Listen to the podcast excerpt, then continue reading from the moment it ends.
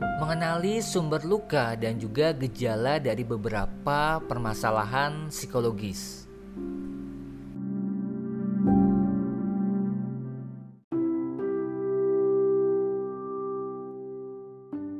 Selalu ada alasan atas setiap perilaku yang kita lakukan, entah itu perilaku baik ataupun kebiasaan buruk.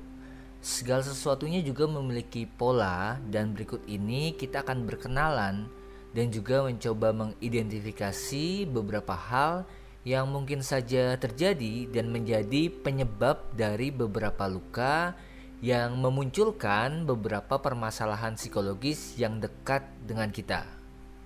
Yang pertama adalah trauma dan juga pengalaman kurang menyenangkan di masa lalu.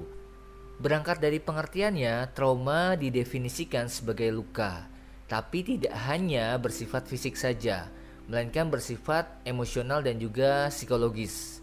Nah, kejadian di masa lalu yang membekas, menyakitkan, dan tidak ingin terulang lagi biasanya akan membangun tembok besar bagi mental seorang.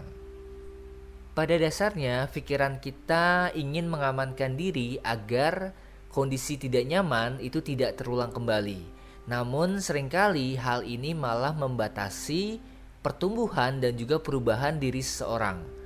Emosi-emosi negatif seperti sakit hati, kecewa berkepanjangan, rasa marah, terluka secara emosional, rasa malu, ketakutan yang juga belum terselesaikan, dan juga banyak hal lainnya bisa menyebabkan stres hingga depresi yang berkepanjangan.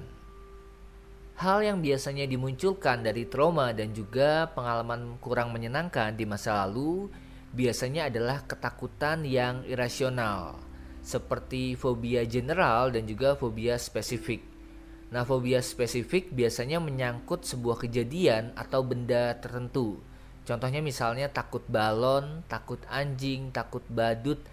Intinya terdapat stimulus tertentu yang menjadi trigger sehingga ketakutan itu muncul kembali atau kejadian di masa lalu itu kembali terulang dalam pikiran kita. Nah, sedangkan fobia yang bersifat general atau umum adalah ketakutan yang melibatkan beberapa peristiwa tertentu.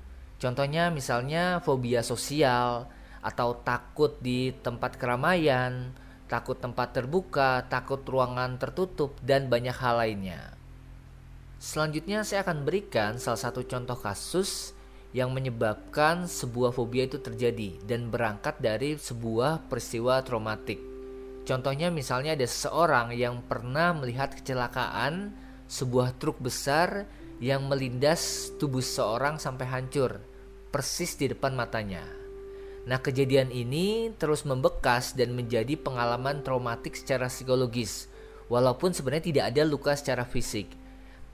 Hal ini kemudian menyebabkan orang tersebut memiliki fobia atau ketakutan yang berlebihan dan sering kali tidak rasional terhadap truk.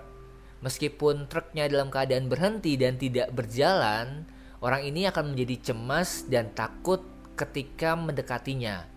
Karena seperti yang sudah disampaikan tadi, pikiran kita membangun tembok besar bagi mental kita dan tidak ingin kejadian buruk atau tidak menyenangkan itu terulang kembali.